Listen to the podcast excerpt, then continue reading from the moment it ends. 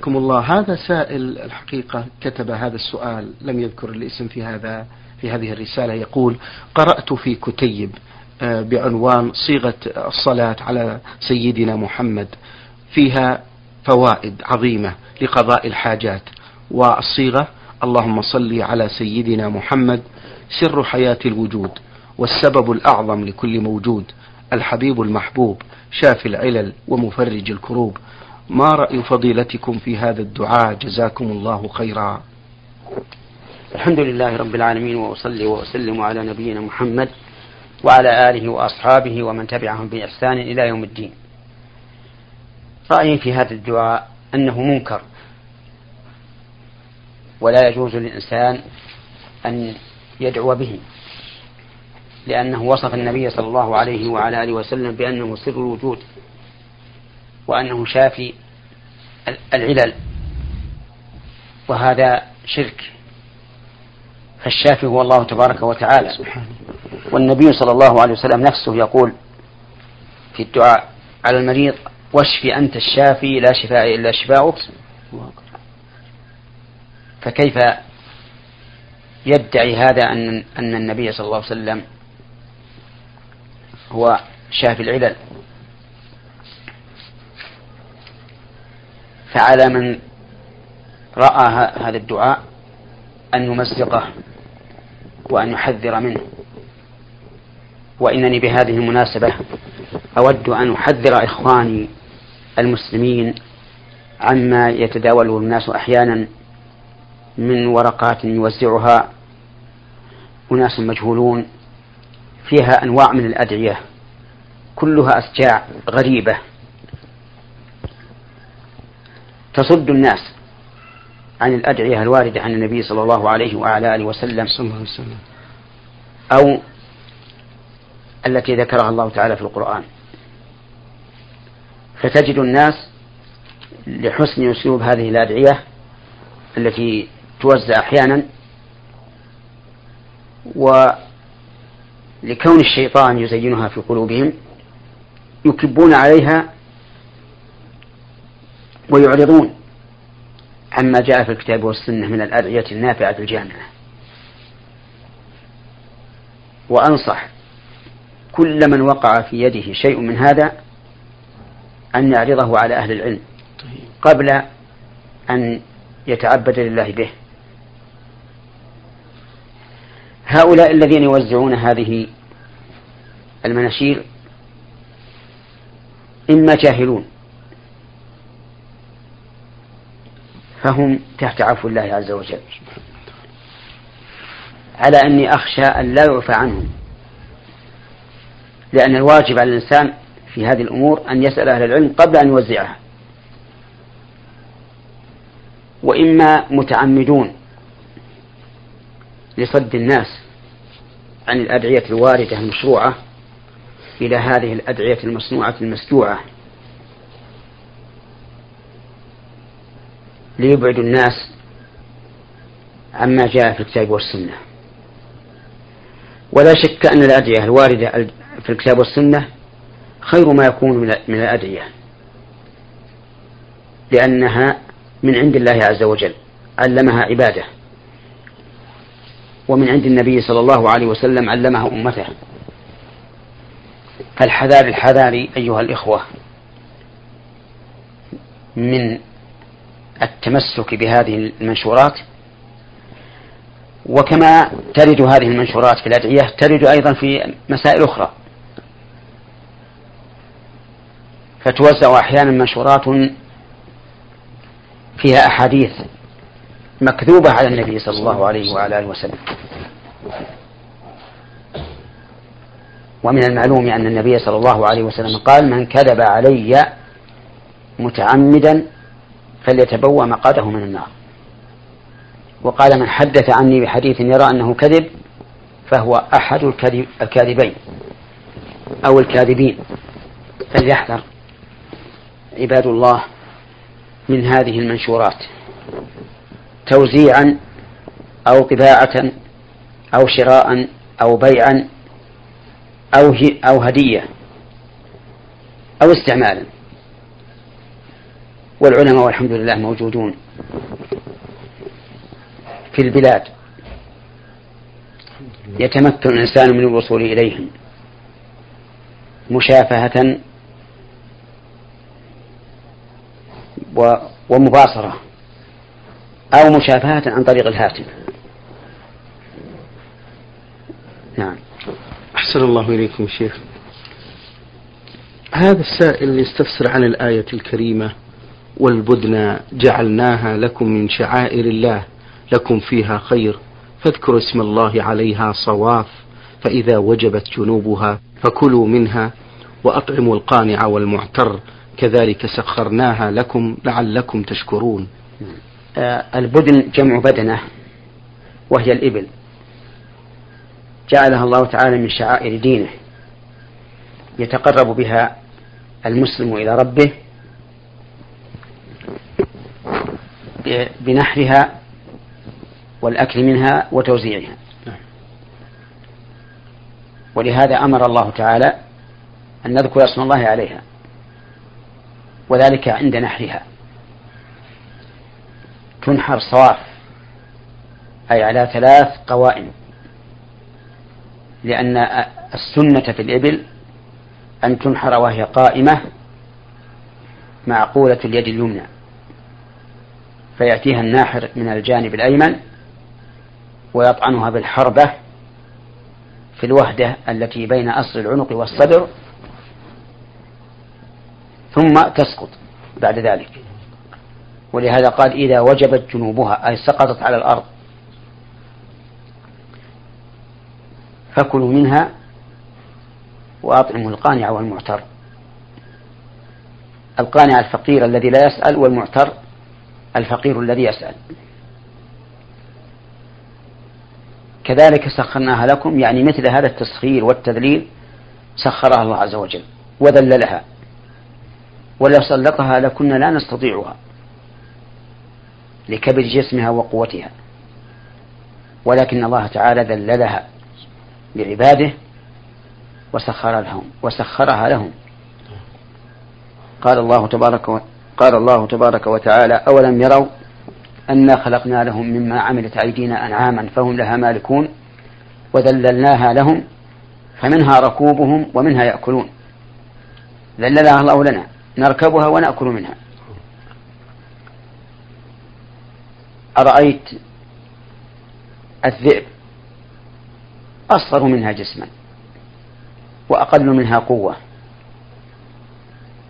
ومع ذلك حيث لم لم يسخر لنا لا نستطيع أن ننتفع به. بل ربما يعدو علينا ويضرنا. وهذه الإبل مع قوتها وكبر جسمها مذللة. حتى إن الصبي يقودها بمقودها إلى منحرها وهي مطيعة ذليلة. والإبل يتقرب إلى الله تعالى بنحرها في الهدي والأضحية. وأما العقيقة عن المولود فمن العلماء من قال إنه يعق بها عن المولود لكنها لا لا تجزئ إلا عن شاة واحدة. ومنهم من قال لا يعق لأنه لأن العقيقة إنما وردت في الضأن والمعز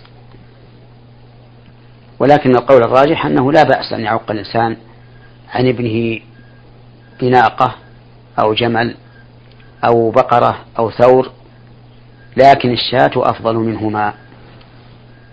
نعم. أحسن الله إليكم. هل التائب من الذنوب لا يحاسب هل هل التائب من الذنوب لا يحاسب على ذنوبه الماضية إذا تاب توبة صادقة؟ وهل مرتكبي الكبائر إذا تابوا تقبل منهم توبتهم؟ نعم إذا تاب الإنسان توبة نصوحا فإن الله تعالى يقبل منه مهما عظم الذنب. دليل ذلك قوله تبارك وتعالى قل يا عبادي الذين أسرفوا على أنفسهم لا تقنطوا من رحمة الله إن الله يغفر الذنوب جميعا. إنه هو الغفور الرحيم. وهذه عامة ليس فيها تفصيل. أن من تاب من أي ذنب فإن الله يتوب عليه.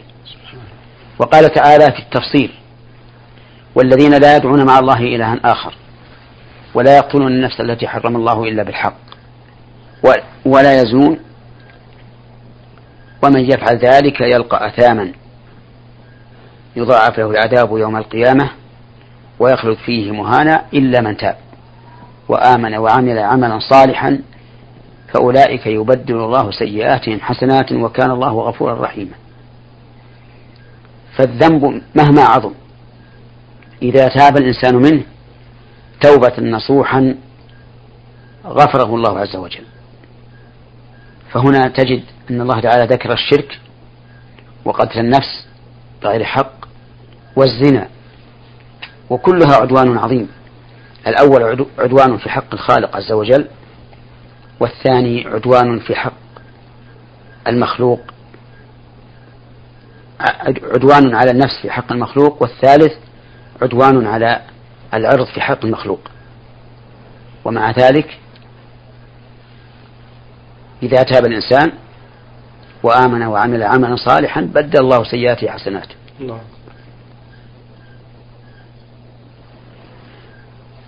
ألم تر إلى قوم كانوا مشركين مضادين لدعوة الرسول صلى الله عليه وعلى آله وسلم فهداهم الله وتابوا وصاروا من قادة الأمة الإسلامية. ولكن إذا كانت إذا كانت المعصية في حق مخلوق فلا بد من من إيصال الحق إلى أهله. فلو سرق الإنسان مال شخص وتاب من السرقة تاب الله عليه لكن لا بد أن يعيد المال إلى مالكه. لأنها لا تتم التوبة فيما يتعلق به حق المخلوق إلا برد الحق إلى أهله. نعم. أحسن الله إليكم. آه، في آخر أسئلة هذا السائل يقول ما حكم ذهاب المرأة للسوق وإذا كانت متحجبة ومتسترة كاملا ماذا تنصحون النساء يا فضيلة الشيخ اللاتي يكثرن الذهاب إلى الأسواق؟ الذي أنصح به أخواتنا المسلمات أن لا يكثرن الذهاب إلى الأسواق. لأن النبي صلى الله عليه وعلى آله وسلم قال بيوتهن خير لهن. قاله وهو يتحدث عن مجيء المرأة إلى الصلاة في المساجد. قال بيوتهن خير لهن. وإذا كان هذا في من تأتي إلى الصلاة فكيف بمن تخرج للأسواق بلا حاجة؟ فإنها ربما تعرض نفسها للفتن. أن تفتتن هي أو يفتتن بها. فنصيحتي لأخوات المسلمات أن يلزمن البيوت ما استطعن إلى ذلك سبيلا. ولا أدب أحسن من تأديب الله تعالى لأمهات المؤمنين رضي الله عنهن حيث قال لهن وقرن في بيوتكن ولا تبررن تبرج الجاهلية الأولى.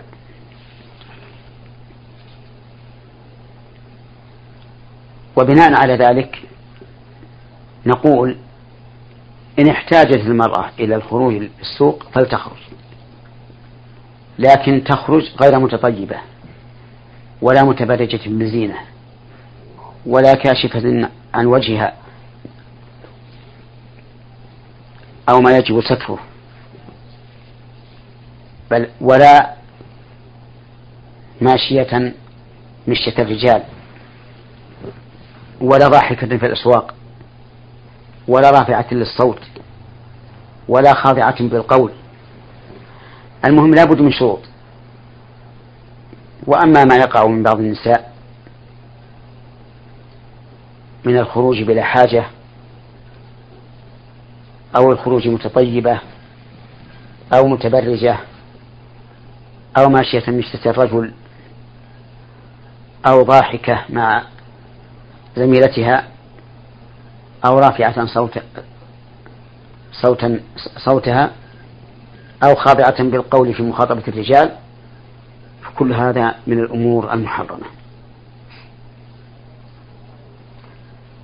ولا ولا يغرك أيتها المرأة المسلمة الدعاية الباطلة من من أعدائك الذين يريدون أن تكوني كالرجل في هذه الأمور. فإن الله سبحانه وتعالى فرق بين الرجال والنساء في الخلقة في العقل في الذكاء في التصرف. حتى إن الله تعالى قال الرجال قوامون على النساء بما فضل الله بعضهم على بعض وبما أنفقوا من أموالهم. وقال عز وجل ولهن مثل الذي عليهن بالمعروف. ثم قال وللرجال عليهن درجة. فلم يجعل المرأة مساوية للرجل. لكن أعداءك وأعداء الأخلاق وأعداء الإسلام يريد يريدون منك أن تقومي مقام الرجال وأن تشارك الرجال في أعمالهم وأن تخالطيهم لأن هؤلاء فسدوا فأرادوا إفساد غيرهم. ولهذا هم الآن يئنون تحت وطأة هذا هذا الخلق. ويتمنون بكل طاقتهم أن يتحولوا إلى أخلاق الإسلام في هذا. لكن أنى لهم ذلك وقد انفرط السلك بأيديهم. وبعودة الشقة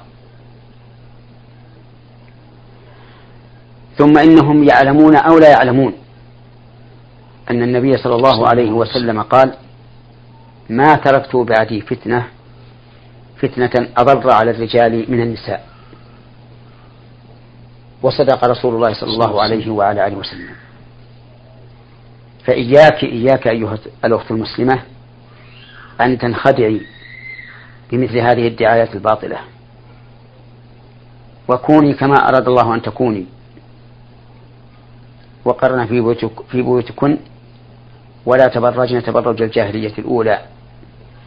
وإذا كان الله تعالى يخاطب أعف نساء العالمين في عصر هو خير العصور. وفي قوم هم خير الناس. فما بالك بحال الناس اليوم مع هذه الفتن العظيمة؟ أقول إذا كان الله يخاطب نساء النبي صلى الله عليه وعلى آله وسلم بهذا الخطاب فإن نساء اليوم يتوجه إليهن الخطاب بهذا أكثر وأكثر لكثرة الفتن وسوء الحال. أسأل الله تعالى أن يحمي المسلمين آمين. من مكائد أعدائهم آمين. وأن يجعل كيد أعدائهم في نحورهم. اللهم آمين. وأن لا يقيم لهم قائمة اللهم آمين. في صد الناس عن سبيل الله وعن دين الله. اللهم آمين. نعم. أحسن الله إليكم يا شيخ. هل يشترط آه، بمن يصلي الاستخارة أن يرى شيئا عند منامه أو أن يشعر بما قاله في صلاة الاستخارة أم أن صلاة الاستخارة دعاء كأي دعاء آخر؟ لا يشترط ذلك. أي لا يشترط أن يرى المستخير شيئا يدله على أن هذا هو الأفضل له. بل متى تيسر له الشيء بعد استخارته؟ فليعلم أن هذا هو الخير. نعم. إذا كان قد دعا ربه بصدق وإخلاص. لأن في دعاء الاستخارة يقول الرجل أو المرأة المستخيرة اللهم إن كنت تعلم أن هذا ويسمي حاجته خير لي في ديني ودنياي وعاقبة أمري وعاجل أمري وآجله فاقدره لي ويسره لي. فإذا تيسر له الأمر بعد الاستخارة فليعلم أن هذا هو الخير. لأنه دعا الله أن يختار له ما هو خير وييسره له. فإذا تيسر فهذا علامة أن ذلك هو الخير. وربما يرى الإنسان شيئا يدل على أن هذا هو الخير له وربما ييسر الله له من يشير عليه بشيء فيأخذ فيأخذ بمشورته فيكون هو الخير.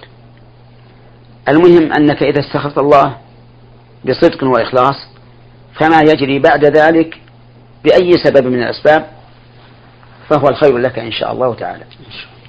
نعم. يقول بعضهم إن الصلاة على سيدنا محمد صلى الله عليه وسلم بدعة حين تكون بعد الأذان فما قولكم في ذلك؟ وهل حقا بأنه لا يجوز أن يقول المسلم بعد الأذان إنك لا تخلف الميعاد؟ نعم. لا أدري ماذا يريد السائل بقوله اللهم صل على سيدنا محمد.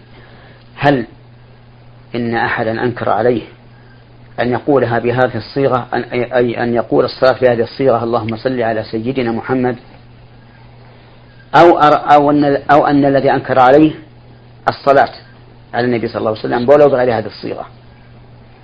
فإن كان الأول يعني إن كان أنكر عليه أن يقول اللهم صل على سيدنا محمد فلعل هذا المنكر أنكر عليه. لأن الصحابة رضي الله عنهم لم يكونوا يقولون هذه الصيغة. أي لم يقولوا اللهم صل على سيدنا محمد. ومن المعلوم نعم. عند كل مسلم أن الصحابة رضي الله عنهم أشد منا حبا للنبي صلى الله عليه اللهم وسلم. وسلم. وأنهم أي الصحابة أقوى تمسكا بشريعة الله منا. وأن الصحابة رضي الله عنهم أشد تعظيما لرسول الله صلى الله عليه وسلم منا. ومع ذلك فلم يؤثر عنهم أنهم كانوا يقولون عند انتهاء الأذان اللهم صل على سيدنا محمد. نحن مأمورون باتباعهم بإحسان. حتى ننال رضا الله كما رضي عنهم. قال الله تعالى والسابقون الأولون من المهاجرين والأنصار والذين اتبعوهم بإحسان. والاتباع بإحسان هو أن لا نقصر عنهم ولا نزيد عليهم هذا الاتباع بإحسان. نعم. فإذا كان الصحابة لا يقولون اللهم صل على سيدنا محمد وهم كما وصفنا بالنسبة لرسول الله صلى الله عليه وسلم فإن المشروع لنا ألا نقولها. فلعل الذي فلعل الذي أنكر عليه وقال إنه بدعة لاحظ هذا المعنى. وإلا فمن المعلوم عند كل مسلم أن نبينا محمدا صلى الله عليه وعلى آله وسلم هو سيدنا. بل سيد ولد آدم عليه الصلاة والسلام. سيد الرسل سيد الأنبياء سيد الصديقين سيد الشهداء سيد الصالحين سيد الأولياء وسيد كل بشر عليه الصلاة والسلام. هذا أمر نؤمن به ونتقرب إلى الله تعالى باعتقاده. لكن مقتضى السيادة حقيقة نعم. أن نلتزم بسنته وأن لا نتجاوزها وأن لا نقصر عنها.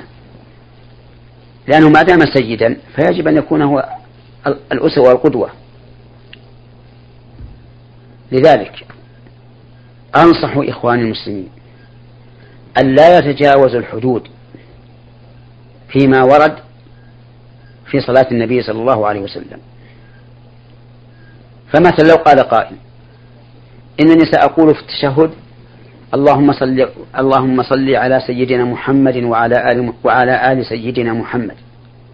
كما صليت على إبراهيم وعلى آل إبراهيم إنك حميد مجيد. اللهم بارك على سيدنا محمد وعلى آل سيدنا محمد كما باركت على إبراهيم وعلى آل إبراهيم إنك حميد مجيد. لو أراد أن يقول هكذا لأنكرنا عليه. نقول أتعلمنا ما لم يعلمنا رسول الله صلى الله عليه وسلم؟ لأن الصلاة في هذا المكان وردت على هذا الوصف. اللهم صل على محمد وعلى آل محمد اللهم بارك على محمد وعلى آل محمد. فإذا قال أنا أقول هذا من شدة محبتي له وتعظيمي له قلنا له شدة المحبة والتعظيم تقتضي أن تجعله إماما لك. بحيث لا تزيد على ما شرع لك ولا تنقص عنه. أما الصلاة على النبي صلى الله عليه وسلم على الوجه المشروع بعد الأذان فهي سنة. ينبغي الإنسان إذا انتهى المؤذن وقد تابعه في أذانه أن يقول اللهم صل على محمد اللهم رب هذه الدعوة التامة والصلاة القائمة آت محمد الوسيلة والفضيلة وابعثه مقاما محمودا الذي وعدته إنك لا تخلف الميعاد. وهذه الجملة الأخيرة إنك لا تخلف الميعاد. اختلف علماء الحديث في تصحيحها وتحسينها وتضعيفها. فمنهم المصحح ومنهم المحسن ومنهم المضعف والأمر في هذا واسع. من قالها لا ينكر عليه ومن حذفها لا ينكر عليه لكن قولها أفضل. لأن الله تعالى ذكر عن أولي الألباب. الذين يذكرون الله قياما وقعودا وعلى جنوبهم أنهم قالوا ربنا وآتنا ما وعدتنا على رسلك ولا تخزنا يوم القيامة إنك لا تخلف الميعاد. فقولها أحسن من حذفها ولا ينكر على من قالها ولا على من حذفها. نعم. أحسن الله إليكم شيخ. نختم هذا اللقاء بسؤال. هذا السائل يقول فضيلة الشيخ هل يجوز للمسلم أن يقرأ القرآن دون الانضباط ببعض أحكام التجويد؟ نعم يجوز ذلك إذا لم يلحن فيه. نعم. فإن لحن فيه فالواجب عليه تعديل اللحن. وأما التجويد فليس بواجب. التجويد تحسين لللفظ فقط. وتحسين اللفظ بالقرآن لا شك أنه خير وأنه أتم في حسن القراءة لكن الوجوب بحيث نقول من لم يقرأ القرآن بالتجويد فهو آثم قول لا دليل عليه بل الدليل على خلافه. بل إن بل إن القرآن نزل على سبعة أحرف حتى كان كل من الناس يقرأه بلغته إلا أنه بعد أن خيف النزاع والشقاق بين المسلمين وحد المسلمون في القراءة على لغة قريش. في زمن أمير المؤمنين عثمان بن عفان رضي الله عنه. وهذا من فضائله ومناقبه وحسن رعايته في خلافته. أن جمع الناس على حرف واحد لئلا يحصل النزاع. والخلاصة أن القراءة بالتجويد ليست بواجبة وإنما الواجب إقامة الحركات والنطق بالحروف على ما هي عليه. فلا يبدل الراء لاما مثلا ولا آه، آه، الذال زايا وما أشبه ذلك. هذا هو الممنوع. شكر الله لكم من فضيلة الشيخ وبارك الله فيكم وفي علمكم ونفع بكم المسلمين. أيها الإخوة المستمعون الكرام أجاب على أسئلتكم فضل